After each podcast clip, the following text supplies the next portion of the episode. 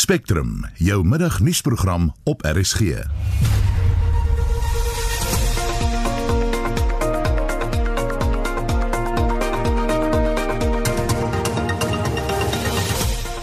Goeiemiddag. Ja, soos ons nou gehoor het, dit is Spectrum hierdie. In die program vandag, ons het nou twee stories in die nuus gehad. Die ene gaan oor president Cyril Ramaphosa wat verwys het na die grondwet 25 jaar gelede. Ons het 'n bydrae later in ons program vandag wat daaroor gaan en ook gaan oor die feit dat dit Republiekdag in die verlede was. Baie nuus oor koronavirus stukke. 'n Nasionale taakspan van toegewyde speurders is saamgestel om transito rooftogte te bestry. The teams comprise of members from crime intelligence, detectives, the Hawks, the National Intervention Unit, Tactical Response Teams and all Special Task Force. Ons praat met die restaurantbedryf oor hoe eetplekke aangepas het en moes verander het sedert die begin van die pandemie. En nog twee distriksmunisipaliteite in Noordwes is onder administrasie geplaas. Ons kyk waarom dit so sleg gaan in die provinsie. Welkom by Spectrum.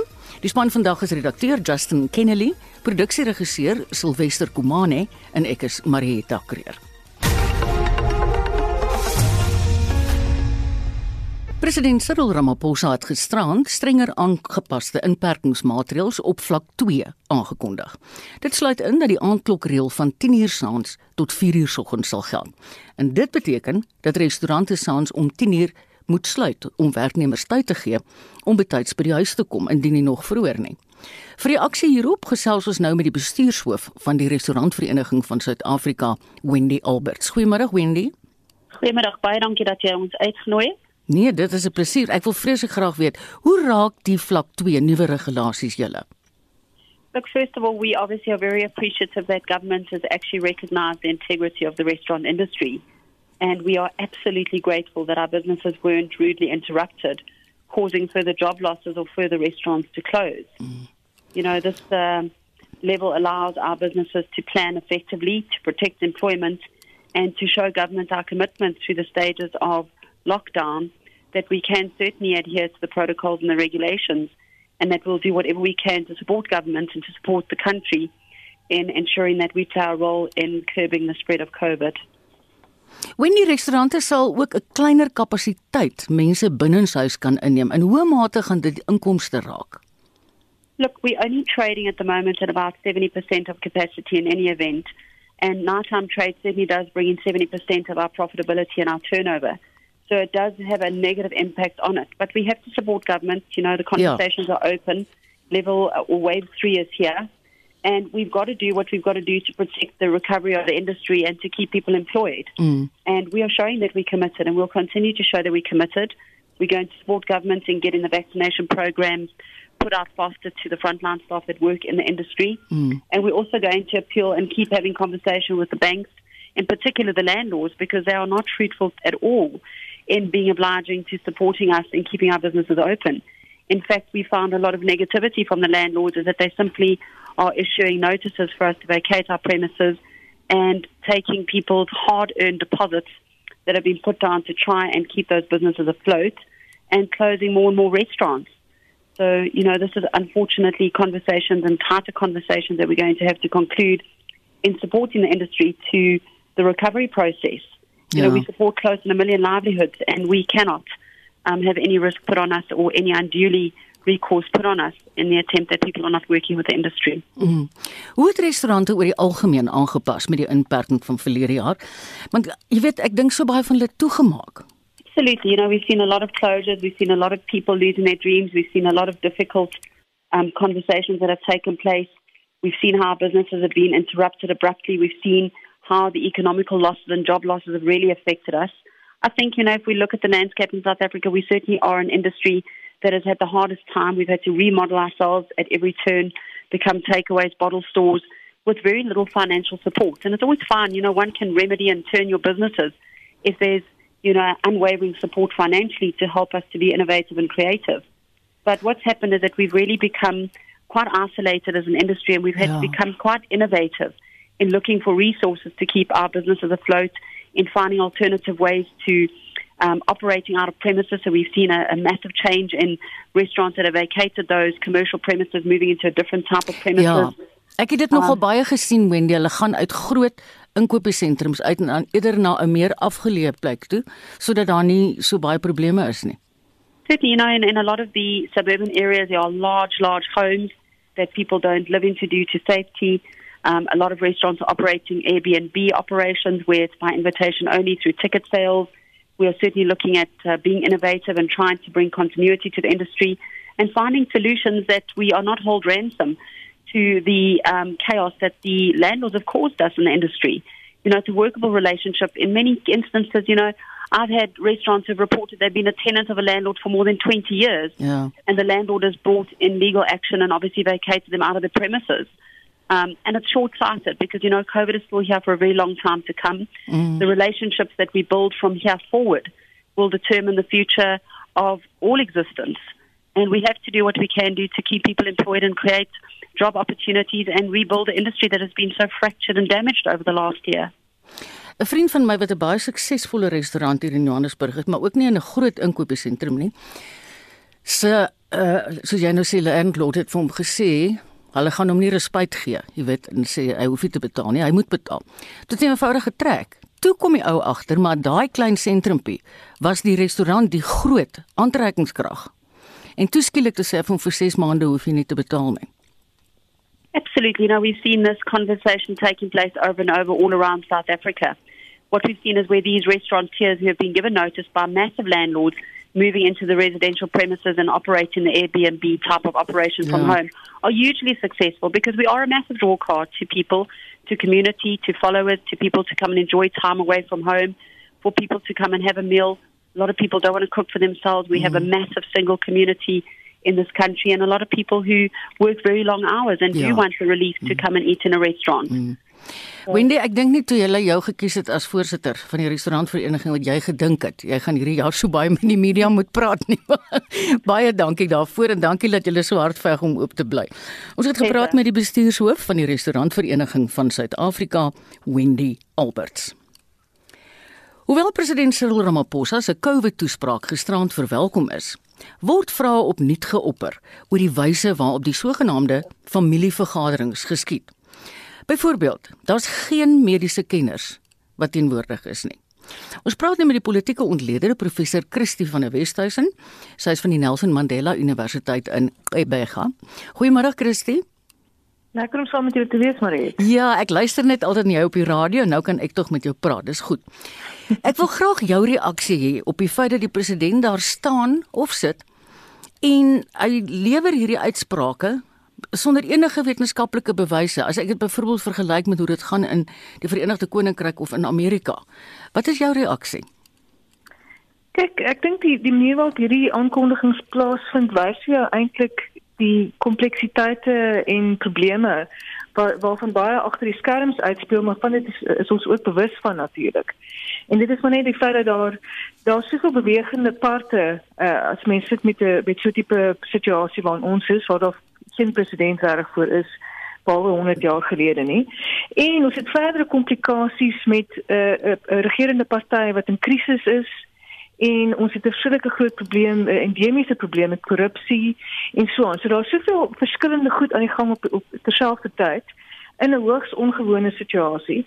Dat ek dink dat dat dit uh, weerspieël word in hierdie soort uh, interaksies wat wat die president het met die land. Want want uiteindelik kan is is ek dink om homself voel die feit dat hy nie vra en antwoorde toelaat van die media in daai in daai tyd nie is is deels ook 'n poging om dit te probeer beheer om beheer uit te oefen in 'n situasie waar hy eintlik baie inligting nie het nie by waar daar 'n breuk is met mediese kundiges jy noem nou van mediese kundiges wat wat nie aanwesig is nie en waarvoor weet waarvan bewyse ook nie aangebied word nie uh, of of jongste weet die jongste mediese posisie nie aangebied word nie en so aan. So ek dink dit is dit het alles te doen met die met die kompleksiteite tans in die in die in die, in die ek dink die die probleme die presidentsie het om werklik beheer uit te oefen oor die situasie. Chrissy, is dit vir jou aanvaarbaar dat hulle geen media toelaat nie?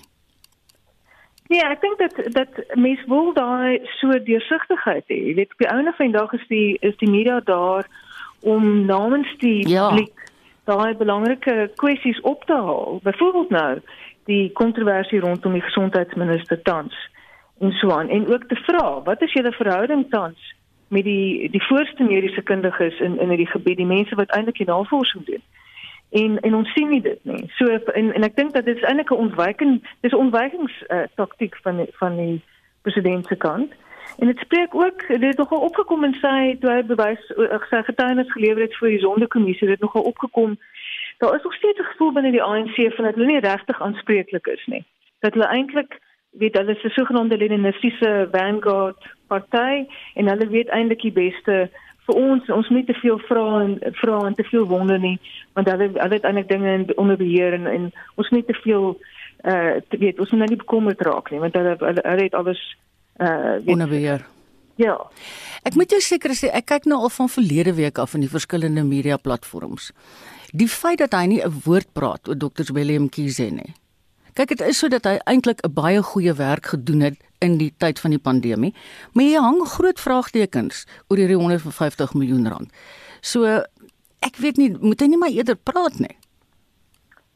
Kyk, dit is dis 'n ek dink 'n groot uh, probleem vir die Ramaphosa groep binne die ANC dat daar hierdie vrae oor Willem Kiese gevra word. Kyk, Zweli was uh, oorspronklik deel van die Zuma kamp en dit het die Zuma kamp se hand baie gesterk en hy vroeë jare is mens so dink hy was mos premier gewees daar in 2009 mm. tot 2013 presies in die in die eerste jare van die Zuma presidentskap en uh, die feit dat hy toe oorgeloop het of homself toe aangesluit het by die Ramaphosa groep was 'n belangrike is 'n belangrike um, versterking van die Ramaphosa groep in KwaZulu-Natal. So hulle kan hulle sou eintlik baie graag wil hê dat dit niks met daai verhouding met hom affekteer en so nie. Mm.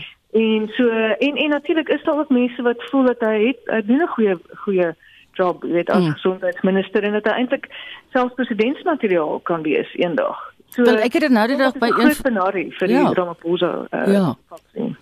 Op hierdie einste spektrum het ek eendag as 'n luisteraar gehoor hoe 'n paar politieke ontleeders sê. Wel ons het nou vir Ramaphosa op die oomblik maar een van die min ander wat daar enigstens is wat sy hand opsteek is Dr Mkhize. Mm. Ja nee, dis die ding. Ek dink en hy hy, hy kom oor die algemeen goed oor. Weet in sy uh weet wanneer hy uh, ons aanspreek met ons praat oor die pandemie mm. wat aan die gang is en so aan. En mens mens kry soms die die idee dat hy sit met 'n 'n departement waar waar waar daar uh, nogal ernstige bedenkinge is. Mens dink aan mense soos aanban belei en en so aan. Weet mm. wat wat eintlik deel was weet wat eintlik deel was van 'n poging om om om ons hier raad vir die oor te draai hier so aan die einde van verlede jaar rondom die eindstof en en so aan. So so Mkhize um, like eintlik so hy gee eintlik 'n respekteerbare gesig ja. aan aan die aan die departement en so aan. So ek dink dit is dit is werklik uh, dit is slegte nuus en uh, wat wat 'n mens uh, wil hê is is weer eens jy wil versigtigheid hê, jy wil 'n uh, 'n verbintenis sê dat ons hierdie ding behoorlik gaan ondersoek. Ons gaan agter die kap van die byl kom en ons gaan die publiek inlig hieroor. En natuurlik die, die ANC op die einde van die dag sukkel so met met korrupsie dat hulle kan nie uh, oop kaarte speel nie. Ramaphosa kan nie uh, oop kaarte speel. Uh weens ook die weens die sentraliteit van Kize uh, ook in die hantering van die pandemie. Chrissy, wat sien jy as die president se leiers kom ons sê se indrukwekkendste leierskapprestasie te midde van die pandemie? Wel, ek dink ek ek dink baie ons dadelik uh, beïndruk het was met die hele solidariteitsfonds. Mm. Uh daar het hy weet die die feit dat hy en hy het uitkoms gewys dit is sy sterkpunt. Jy weet hy kan uitreik oor verskillende sektore heen. Hy kan hy het koneksies binne die die sake sektor. Hy het, hy het ook legitimiteit uh, by verskillende sektore in ons samelewing. En so mate dat hy daai al daai geld in 'n in 'n baie vinnige uh, weet baie ja. baie kort periode bymekaar kon kry. So ek dink dit was baie indrukwekkend.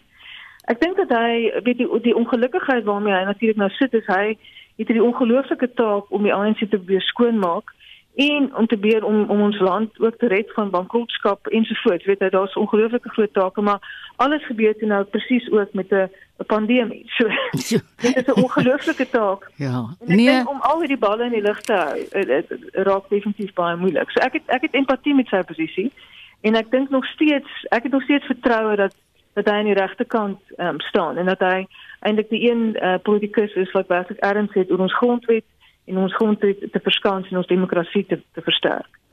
Baie dankie Christie vir jou tyd. Professor Christie van der Westhuizen is 'n politieke kommentator verbonde aan die Nelson Mandela Universiteit in Quebec. Ouers in die Noord-Kaap is bekommerd oor die departement van basiese onderwys se aankondiging dat alle graad R tot 7 leerders van die 26ste Julie af weer normaal skool bywoon. Minister Angie Motshekga het die regulasies Vrydag in die Staatskoerant gepubliseer, maar implementering sal gebaseer word op die rigting wat die COVID-pandemie inslaan. Intussen is minstens 79 skole in die Noord-Kaap sedert die begin van die maand weens COVID-19 gesluit. Reginald Witboy doen verslag. Die provinsiale onderwysdepartement sê 'n totaal van 180 leerders, 62 onderwysers en 22 ondersteunende personeel is geaffekteer. Die departement sê die infeksies het 'n direkte impak op onderrig en affekteer alle distrikte.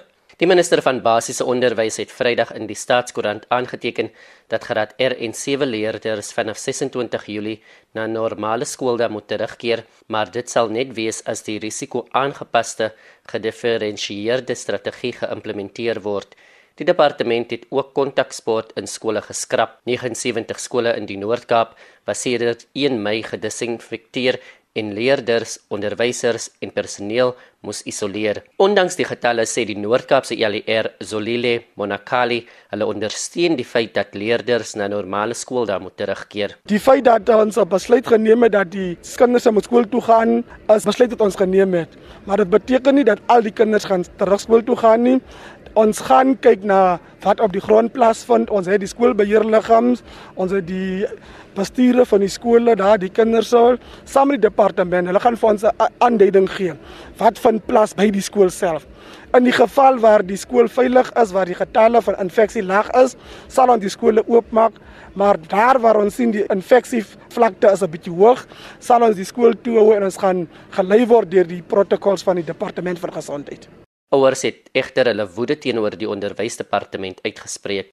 Ehm um, ek vat dit nou van die ouers se oogpunt af. Vir my is 'n ouer van 'n graad R leerder is dit baie kommerwekkend want ek dink dit is dubbel soveel kinders waarvan hulle moet kennis dra die omstandighede rondom dit. Die sanitering, daai hele COVID storieetjie, dis too much. Ek voel dit is net nie reg nie. Ons kinders is naweke en middag as hulle doelloos loop hulle rond. Ons hoor deesdae dat die kinders wat die uh, virus dra, so ek as onderwyser sal verskriklik bekommerd gewees het want jy moet daagliks met die kinders se doen het. ANC president Cyril Ramaphosa sê die provinsiale leierskap se hoof fokus moet wees om die infeksies in die provinsie onder beheer te bring. Hy het ANC-lede Saterdag aanlyn toegespreek by die ANC se provinsiale konferensie. This province has seen a spike in infections during the last few weeks, and the hospital admissions uh, tell us that uh, this infection rate is high as admissions have been rising considerably. It has been reported that the province's ICU capacity is under a great deal of stress. And the most immediate priority for the ANC in the province must therefore be to bring the infections under control and to protect the health system. Die Noord-Kaapse Gesondheidsdepartement se Jalier Maroping Lekwene sê hulle is bekommerd oor die hoë syfers. Lekwene sê meer hulp is nodig. Having regular meetings in the department in trying to strengthen our district outreach teams which for me is very important but also to ensure that uh, we we give more support to our hospitals in terms of getting extra nurses, extra hands to ensure that uh, we are ready for any uh, serious case in terms of uh, high care beds, ICU, there's, there's a need. And for now, I can report that uh, we are managing. Our only weakness for now, we have to increase our nursing staff. Mense word aangemoedig om voort te gaan om COVID-19 protokolle te gehoorsaam om die virus te beveg. Ek is Reginald Witboy in Springbok in die Noord-Kaap.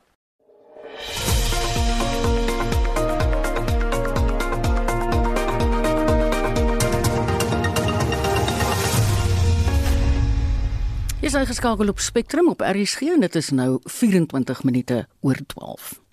Nog 2 distriksmunisipaliteite in Noordwes is onder administrasie geplaas. Dit beteken dat al die distriks en plaaslike munisipaliteite nou onder administrasie is. En die provinsie as sodanig is reeds in Mei 2018 deur die nasionale regering onder administrasie geplaas weens onstabiliteit. Ons praat nou met die onafhanklike politieke ontleder in Noordwes, Theo Venter. Hallo Theo. Hallo Marieta. Jenning, jy weet as ek daai inleiding lees, dan klink dit vir my net Noordwes het toegemaak. ja, dit is dis 'n tragiese situasie wat ons in Noordwes beleef op die oomblik dat die provinsie sit met sy uitdagings wat nog nie opgelos is nie en plaaslike regerings is oral oor besig om in daai te stort en baie daarvan het natuurlik te doen met groot verskille wat in die ANC is en uh, ek het dit eers oor die naweek het ek dit genoem 'n besluitnemingsverlamming wat intree in sommige plekke is daar selfs meer as een burgemeester ja. en daar is 'n geveg oor oor wie is nou werklik in beheer. So dit is eintlik 'n baie slegte toestand wat die wat die wat die bestuur van Noordwes aanbetref.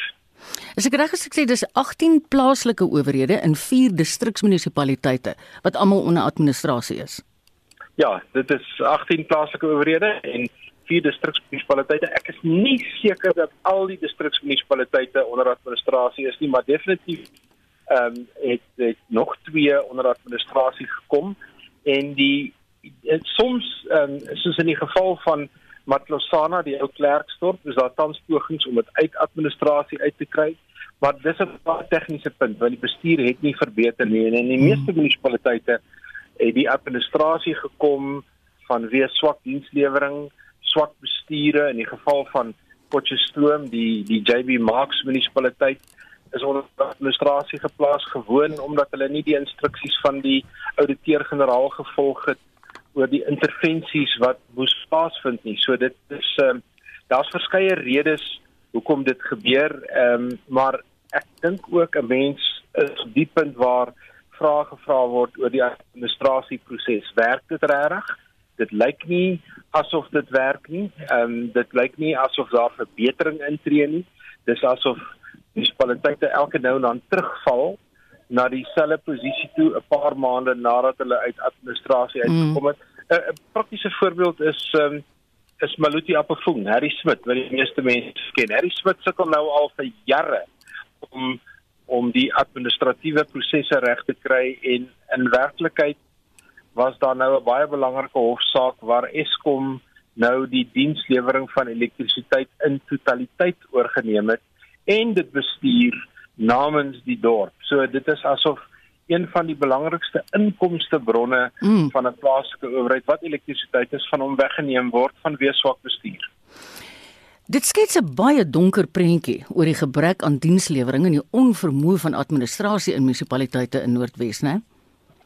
Wel nie net in Noordwes nie. Ehm um, ek dink 'n mens kan 'n uitsondering maak deur te sê daar's 'n goeie kwota plaaslike regerings in die Weskaap wat uitstekend werk en 'n mens vra hoekom. En dan is daar 'n baie baie groot deel van plaaslike regerings in die Noord-Kaap, in Limpopo, in Noordwes, in die Vrystaat en Mpumalanga wat glad nie die mas opkom nie. Ja. En ek dink as die Zondo-kommissie nou eendag afgehandel is en die regering is weer lus om 'n kommissie aan te stel, dan moet dit 'n kommissie wees rondom die ondersoek van plaaslike regering. Wat gaan aan? Waarom ja. is dit so swak? Is dit gewoon net swak bestuur? Is dit die gebrek aan politieke besluitneming? Is dit die gebrek aan goeie kontantvloei? Met ander woorde, want plaaslike regerings werk op die laagste vlak en dit is dienste wat gelewer word teen 'n fooi. Nou as hulle nie geld het om dienste te lewer, dan beteken dit daar is nie 'n kontantvloei nie ek dink daar moet 'n oordentlike ondersoek kom en die hele oplossing van plaaslike regering moet moet van niks bekyk word want plaaslike regering word daar word toesig gehou oor plaaslike regering deur die provinsies.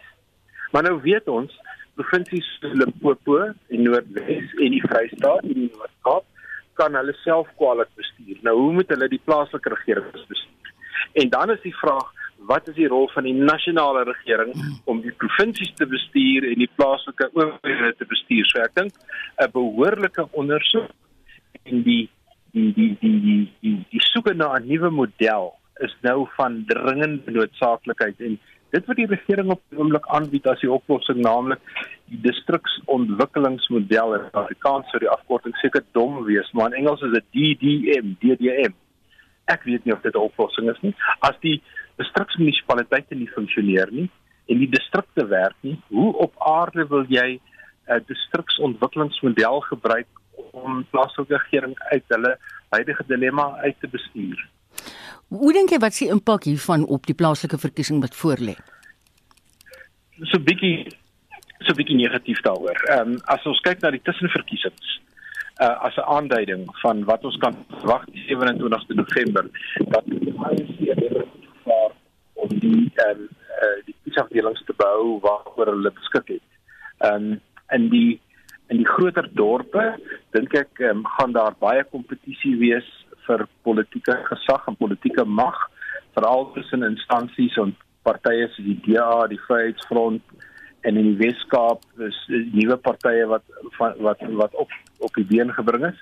Maar ek dink landwyd gesien hoor die ANC gemaklik nog steeds die meerderheid van alle stadsrade te beheer, veral in die platteland.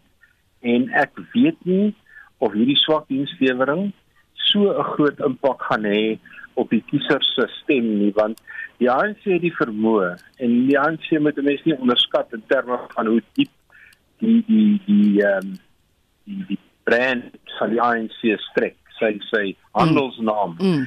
Uh dit is asof die politici beloof dat die volgende stel politici sal dit beter doen en asof mense gewoon dit aanvaar. En ons weet nou al dit werk nie so nie. Mm -mm.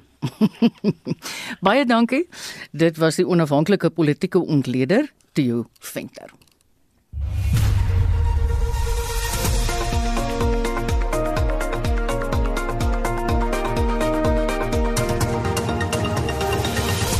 In vandag se Spectrum, 'n nasionale taakspan van toegewyde speurders is saamgestel om transito rooftogte te bestry. Opposisiepartye in Israel beplan om saam te werk om Israel se eerste minister Benjamin Netanyahu uit sy ampt te verwyder. En presies 60 jaar gelede het Suid-Afrika 'n republiek geword. Die groot ding met republiekwording is dis 'n staatskundige skuif wat vir Suid-Afrika plaasgevind het weg van die Britse gemeenebes af Dit en nog meer net hierna. Die vakbond Solidariteit sê die minister van menslike nedersettings, water en sanitasie, Lindiwe Sisulu, het omvattende inligting oor die kibane wat ingenieurswerk in Suid-Afrika moet kom doen aan hulle bekend gemaak. Vir meer hieroor praat ons met die hoof van regsaake by Solidariteit, Anton van der Byl. Hallo Anton. Marita. Jy het 'n ruk gelede die inligting aangevra en dit toe nie gekry nie. Waarom het die departement dit nou gestuur? Areta, ja, dis maar 'n regsproses wat hulle wat ons hulle genoodsaak het om die inligting met ons te deel. Eilik regtig hartseer ons het vir hulle 'n eenvoudige skrywe gestuur en vir hulle gesê, maar geen net vir ons die inligting. Ons wil nie onnodiglik dit begeer nie. Soos altyd het die minister maar besluit sy gaan haar eie pad vat en nie vir ons die inligting gee nie. Ons is toe genoodsaak om 'n dringende aansoek te loods en die inligting is nou aan ons geopenbaar. Want die hofsaak sou môre begin het, né? Nee? Ja, hy is môre op die rol gewees het. Ons het hom toe nou verwyder van die rol aangesien ons suksesvol was om die inligting nou te mm. dit beteken nie ons het die saak die minister ek sien sy het 'n verklaring ook gesê ons het die saak teruggetrek dis al weer eens ongelukkig 'n uh, onwaarheid wat sy verkondig ons het nooit die saak teruggetrek nie ons het hom net van die rol verwyder so ons gaan voort met die aangeleentheid net nie môre en daar's baie inligting wat ons moet deurgaan ja. en bestudeer. Hoorie Anton, Is julle tevrede met die inligting eerstens en tweedens is julle tevrede dat dit eg is? Wel ons is tevrede dat ons inligting gekry het. Ons is nie tevrede met die inligting nie want dit was almal net dat die minister die publiek probeer raak vir die oordraai. Dit is duidelik dat daar optrede in hierdie aangeleentheid is om bilaterale ooreenkomste met Kiba gestand te doen en om hulle tevrede te stel en dat dit sy nie in die belang van Suid-Afrikaners optree nie. So die inligting maak dit duidelik daar is geen uh, geen substantiële rede vir hom Kibana in te gevoer het om sekere werk te kon gedoen het nie. Ons het bevoegde en bekwame ingenieurs in Suid-Afrika om die werk te kan doen. So ongelukkig, ja, hier lyk maar net weer eens soos ons gee gooi geld aan agter hmm. persone aan wie daar beloftes gemaak is en hier is nie in die beste belang van Suid-Afrika nie. Ek dink ons met ons uh, trotse Suid-Afrikaanse inisiatiewe die regering moet ontvang met trotse Kiba inisiatiewe want hier is nie in, in Suid-Afrika se belang nie. Anton, wat gaan julle nou met hierdie inligting maak? Ons staan besig om die inligting te bestudeer. Ons het môre het ons 'n media konferensie waar ons hierdie inligting nou geanaliseer het en dit vir die publiek duidelik maak wat die minister eintlik mee besig is. So uh, ja, maar op die stadium is ons nog besig om dit te analiseer En dan sal ons dit dan ook gebruik in hersieningsaansoeke, volledige hersieningsaansoek waar ons die besluit van die minister dan sal aanvat. So hier is eintlik maar net die begin van die van die groot stryd. Ons het klaar die die klein oorlogie het ons gewen, maar nou is dit die groot stryd wat voor lê. En ja, ons is ons ons is reg vir dit. Baie dankie Anton, dis Anton van der Byl, die hoof van regsaake by Solidariteit. 'n Nasionale taakspan van toegewyde speurders is saamgestel om transito rooftogte te bestry. In veral Gauteng en die Wes-Kaap het 'n paar aanvalle die afgelope paar weke plaasgevind. En kenners meen die oortreders is deel van 'n georganiseerde klomp syndikaate. Esie de Klerk doen verslag. Hoewel die misdaadstatistiek vir die tydperk tussen Januarie en Maart wys dat transito rooftogte met 6% gedaal het, dui die tydperk daarna aan dat dit toeneem. Charnel Hatting van Fidelity Sekuriteitsdienste sê daar heers kommer in die industrie. Currently Gauteng in the Western Cape are showing the highest increase in cash in transit incidents. Unfortunately, these attacks are usually orchestrated by very sophisticated syndicates. Our internal investigative teams are currently working closely with the SAPs to combat these CRT heists. The depressed economic situation over the last couple of years and high rates of unemployment has also added to the problem. A lot of work is happening behind the scenes with our specialised units working in collaboration with multiple stakeholders, including the SAPs and the Hawks. In our continuous efforts to reduce the risk of CRT heists, Fidelity has introduced tactical air support units, specialized tactical intervention units, and are investigating a number of new technologies to hinder these crimes. Die nasionale polisie woordvoerder Brenda Moridile sê 'n gespesialiseerde taakspan is saamgestel om die onlangse aanvalle te ondersoek en 'n aantal rowers is die afgelope paar weke in hegtenis geneem. I can confirm that there are multidisciplinary task teams, particularly in provinces most affected by CIT robberies. The teams comprise of members from crime intelligence, detectives, the Hawks, the National Intervention Unit, tactical response teams, or special task force. These members are working around the clock, both proactively and reactively, to deal with this scourge.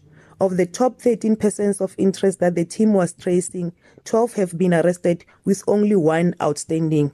The mandate of investigating falls within the DPCI. Navorsing dui aan dat die meeste rooftogte uitgevoer word deur nasionale georganiseerde misdaadsyndikaate wat te werk gaan deur middel van 'n leier wat opdragte gee met behulp van binne-inligting.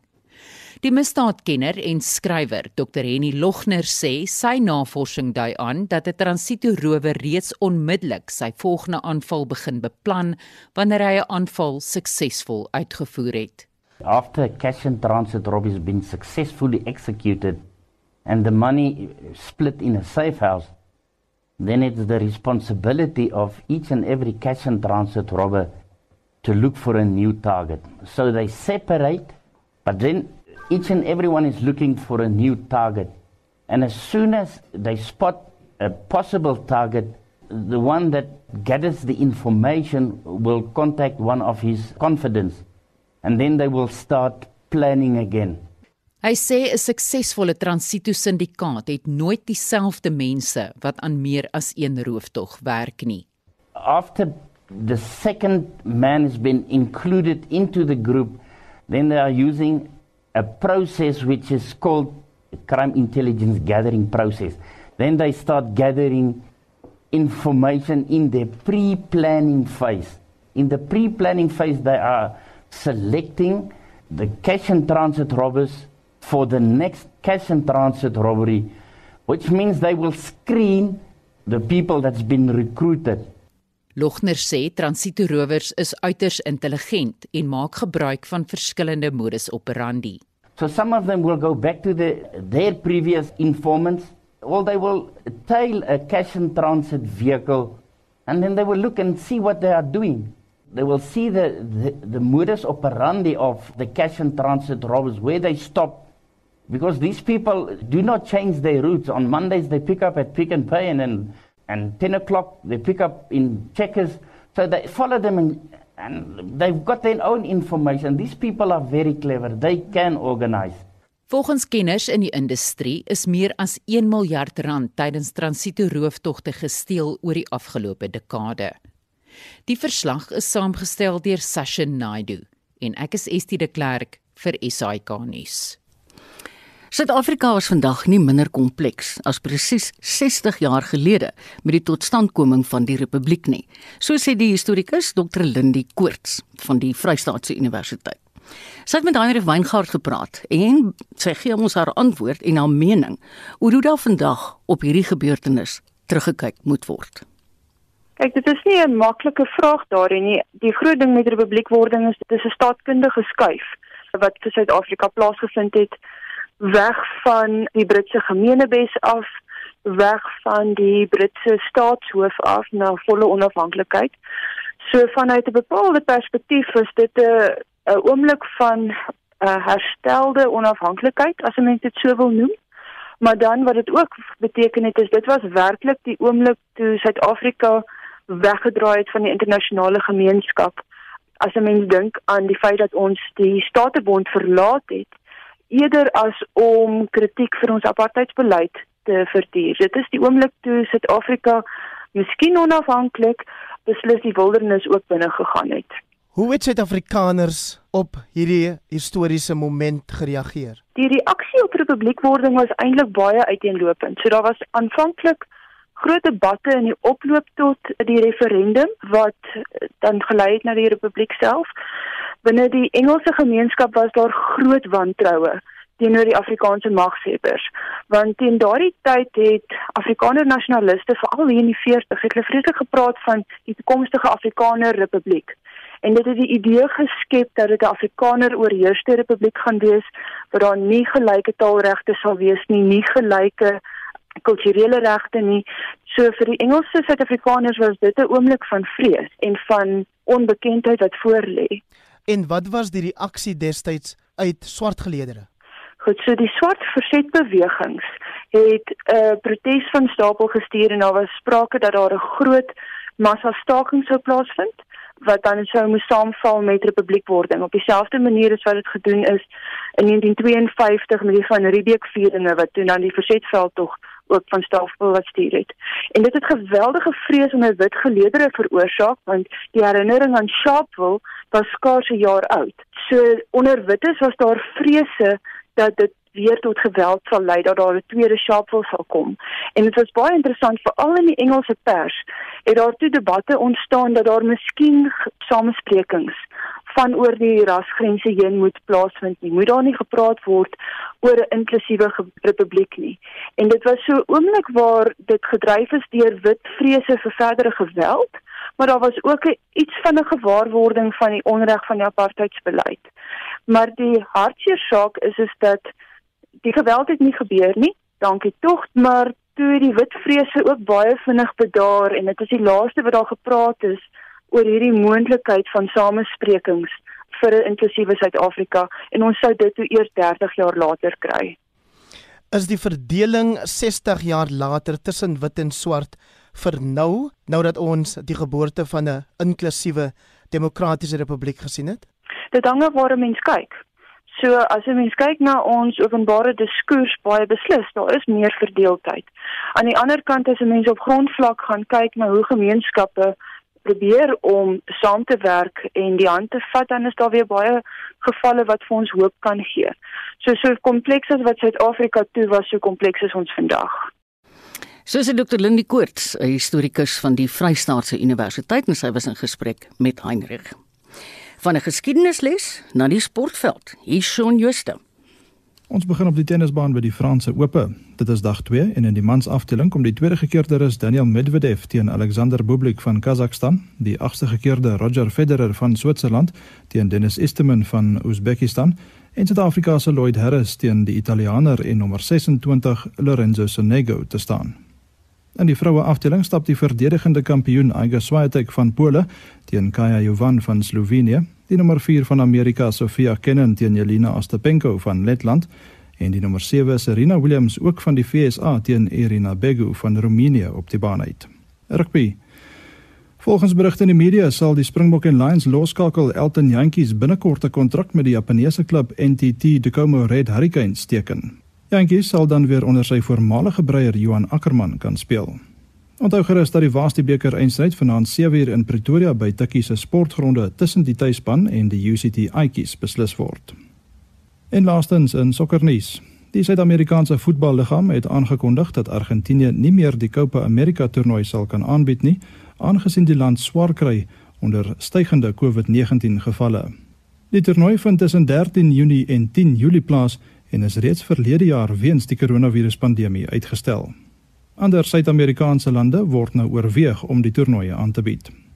Etienne Ludikus vanmiddag in Spitstyd terug met nog sportnuus. Dit is die stem van ons sportmedewerker Shaun Joosten. Ons bly sommer by sportstories. Die Japaneese tennisster Naomi Osaka, die tweede gekeerde vroue speler in die wêreld, kan moontlik 'n erger straf as net boetes in die gesig staar as sy volhard met haar besluit om nie media-onderhoude toe te staan ten tye van die Franse Ope by Roland Garros nie. Ons praat nou met die media-kenner, professor Johannes Vroneman hieroor. Hallo Johannes. Goeiemiddag. Dink jy enige, kom ons sê, openbare persoonlikheid het die reg om so 'n besluit te neem? Wel, ek dink ons moet onderskei tussen uh, sportmense en openbare uh, noem ons sê politici.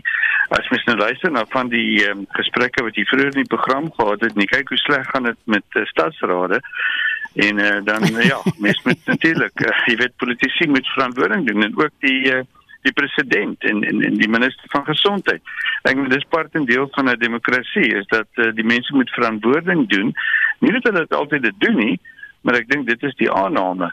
As dit nou kom by sport is miskien 'n bietjie anderster, maar dan moet mense ook wel sê dat eh uh, professionele sportlede wel ook verantwoordelikhede, hulle kontraktueel verantwoordelikhede. Hulle moet praat. As hulle nie praat nie, dan word hulle beboet.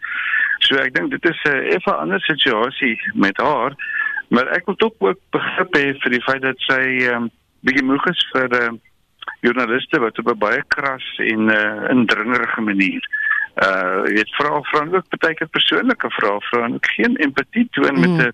met 'n met 'n sportpersoon. En baie keer is hulle baie jonk ook nog. Jy weet hulle is broos en hulle verloor voor 'n klomp mense voor die wêreld en en dan word hulle bestook met vrae en vrae wat nie altyd verband hou miskien met die met die sport self nie. Ja. so ek het wel begrip vra daarvoor Dink jy dis geregverdig om van iemand soos Osaka te verwag om altyd beskikbaar te wees vir onderhoude, veral omdat sy nou haar geestesgesondheid as verskoning aangebied het.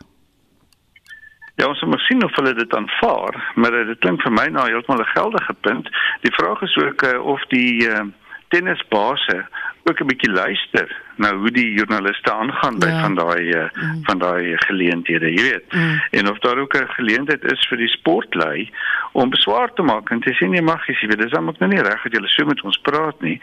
So ek ek dink daar daar om om net op haar nou te fokus en dat sy nou uh, moeilik is en dat sy nie wil wil praat nie. Ek dink dit sou baie onbillik wees en ek ek het regtig uh, simpatie met haar daaroor. So ek dink die media moet ook maar bietjie hand in eie boesem steek en hulle moet ook bietjie in die werk geruk word want hulle het ook nie 'n absolute reg nie. Hulle het nie 'n absolute reg om vir mense enigiets te vra en ook op 'n sekere manier te vra nie. So weet mense het wel begrip daarvoor dat sportlei partykeer bietjie bietjie moeg raak daarvoor. Maar ek dink die eh, in den brede sou mense sê dat openbare figure moet aanvaar dat hulle wel ook aan die media moet uh, jy weet oop wees daarvoor om met hulle te praat omdat hulle ook 'n uh, verantwoordelikheid teenoor die publiek het. Het ons al ooit voorheen 'n soortgelyke situasie gehad wat jy van weet?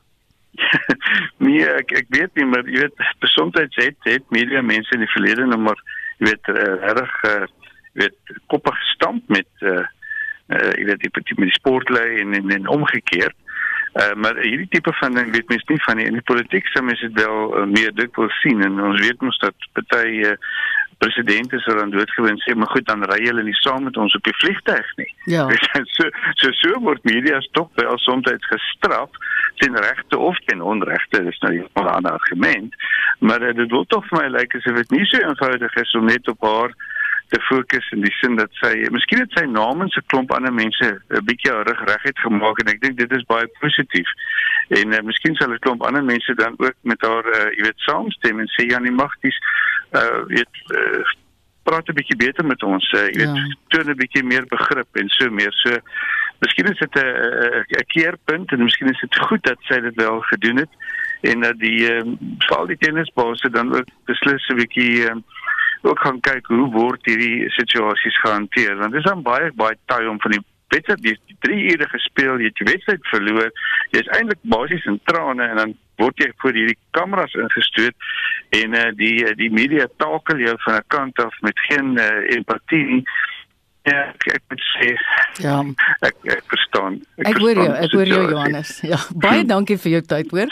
Professor Johannes Vroneman is 'n media kenner en hy's ook die kurator van mediamense.com, 'n digitale media museum.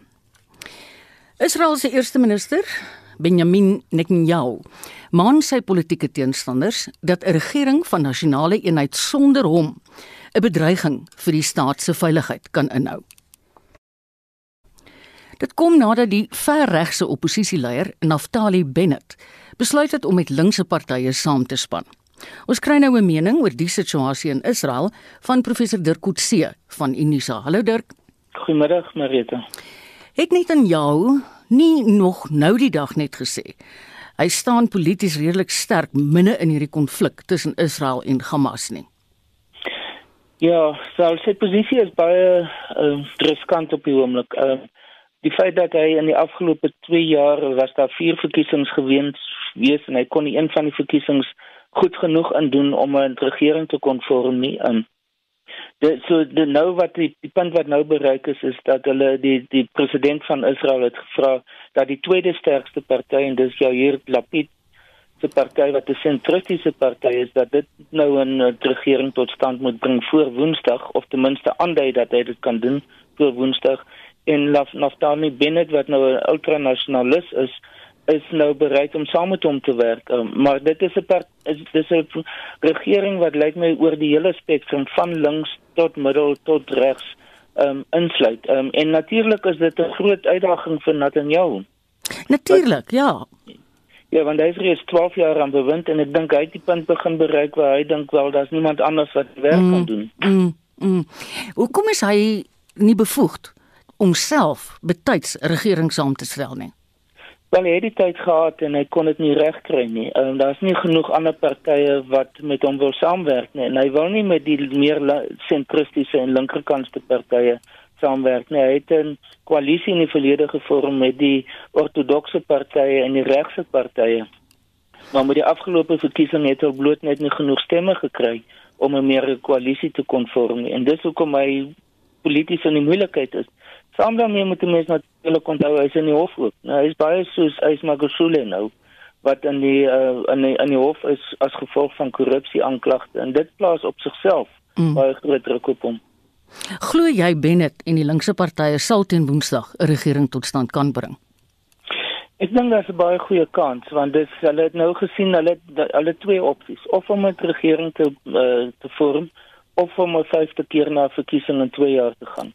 Um, en ek dink die meeste mense in in Israel besef dat daar gaan nie 'n uh, ander resultate in die verkiesing wees nie. So dit is nou maak of breek vir hulle om 'n regering te vorm. As net in jou uit die kussings gelig word, hoe gaan dit die situasie in Israel verander? Nie noodwendig dramaties nie. Dit gaan die die persoonlikheid, die persoonlikheidskultus wat omtrent rondom hom om om hmm. ontwikkel het. Dit dit gaan nie meer daar wees nie. Ehm um, En wat ook interessant gaan wees is die ooreenkoms waarna hulle nou werk is dat die eerste ministerskap gaan roteer. Dat Naftali binne die eerste 2 jaar die eerste minister sal wees en dan Lapid die die reis die uh, volgende 3 jaar. So dit is gaan 'n totaal nuwe dimensie in die uh, Israeliese politiek tot stand bring. Maar binne byvoorbeeld is ten gunste van hierdie is uh, vestigings van Israelies in in die uh, uh, gebiede wat nou baie kontroversieel geword het. So in daardie opsig verander dit nie noodwendig nie, maar die linkerkant uh, of die die wat meer sentristies is na en na die linkerkant toe kan waarskynlik daarop aandring dat en en terloops daar 'n Arabiese Islamitiese party wat heel moontlik deel van hierdie groepering gaan word uh, van uh, Israelies wat Arabiere is wat uh, Israeliese uh, burgers is. Jo, dis uh, interessant. Ja, en dit dit sal 'n totaal nuwe dinamika tot stand bring dink ek wat miskien nuwe moontlikhede skep ja. vorentoe. Baie dankie Dirk, dis professor Dirk Coetzee, 'n politieke kommentator en kenner van internasionale verhoudinge en hy is by Unisa. Die sake nuus word nou aangebied deur Nikki van der Merwe, portefeuljebestuurder by Netbank Korporatiewe Beleggings. Goeiemôre Marita en luisteraars. Met die Amerikaanse en Britse markte wat vandag gesluit is, skop die week redelik stil af van ons kant. In Asië sien ons die Hong Kong Hang Seng versterk 0,1%, die Japaneese Nikkei is laer met 0, met 1% en die Australiese ASX 200 is af met 0,2%. In Europa is die Franse CAC 40 laer met 0,1% en die Duitse DAX is af met 0,3%. Plaaslik verander ons algehele indeks hoër met 0,8% teen 68071 punte. Die finansiële indeks is hoër met 0,3%, die nywerheidsindeks is onveranderd en die hulpbronne indeks is op met 2%. As ons kyk na kommoditeitspryse, goud beweeg weer bo 1900 dollar en verhandel teen 1905 dollar per fyn ons. Platinum versterk 0,5% en verhandel teen 1190 dollar per fyn ons en Brent olie verswak 0,3% en verhandel teen 69 dollar en 42 sent per vat. Dan wisselkoerse, die rand hou vas aan die onlangse versterking teen die dollar. So 'n dollar verhandel teen R13.76, 'n pond verhandel teen R19.50 en 'n euro verhandel teen R16.77. Dan laasens die rentekoerse, die R186 staatsiefek versterk 0,1 basispunt en verhandel teen 'n opbrengs van 7,34%. Vir die week vorentoe kan die luisteraars op die uitkyk wees vir die volgende ekonomiese data. Die Suid-Afrikaanse werkloosheidsyfers, naam van voertuigverkope, sowel as die elektrisiteitsproduksie en verbruiksyfers jaar op jaar. Baie dankie, dit is die einde van die sake nuus. Dankie Nikki, dit was nou gaaf. Nikki van der Merwe se portefeuljebestuurder by Netbank Korporatiewe Beleggings. Esie de Klerk kyk vir ons na die ontwikkelende nuusstories en ons gesels nou met haar. Hallo Esie. Hallo Marietta. Die bestuurshoof van die restaurantvereniging van Suid-Afrika, Wendy Alberts, sê die restaurantbedryf is dankbaar dat hulle sal kan voortgaan om handel te dryf op die aangepaste vlak 2 inperkingsmaatreëls, maar sy sê talle restauranteienaars het oor die afgelope jaar probleme ondervind met onredelike geboueienaars.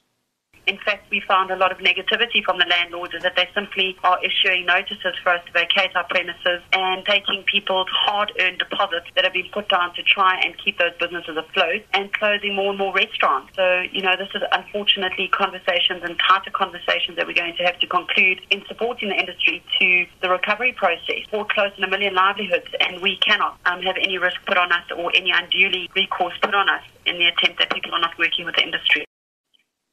Dis die stem daar van die voorsitter of die bestuurshoof van die restaurantvereniging van Suid-Afrika, Wendy Alberts.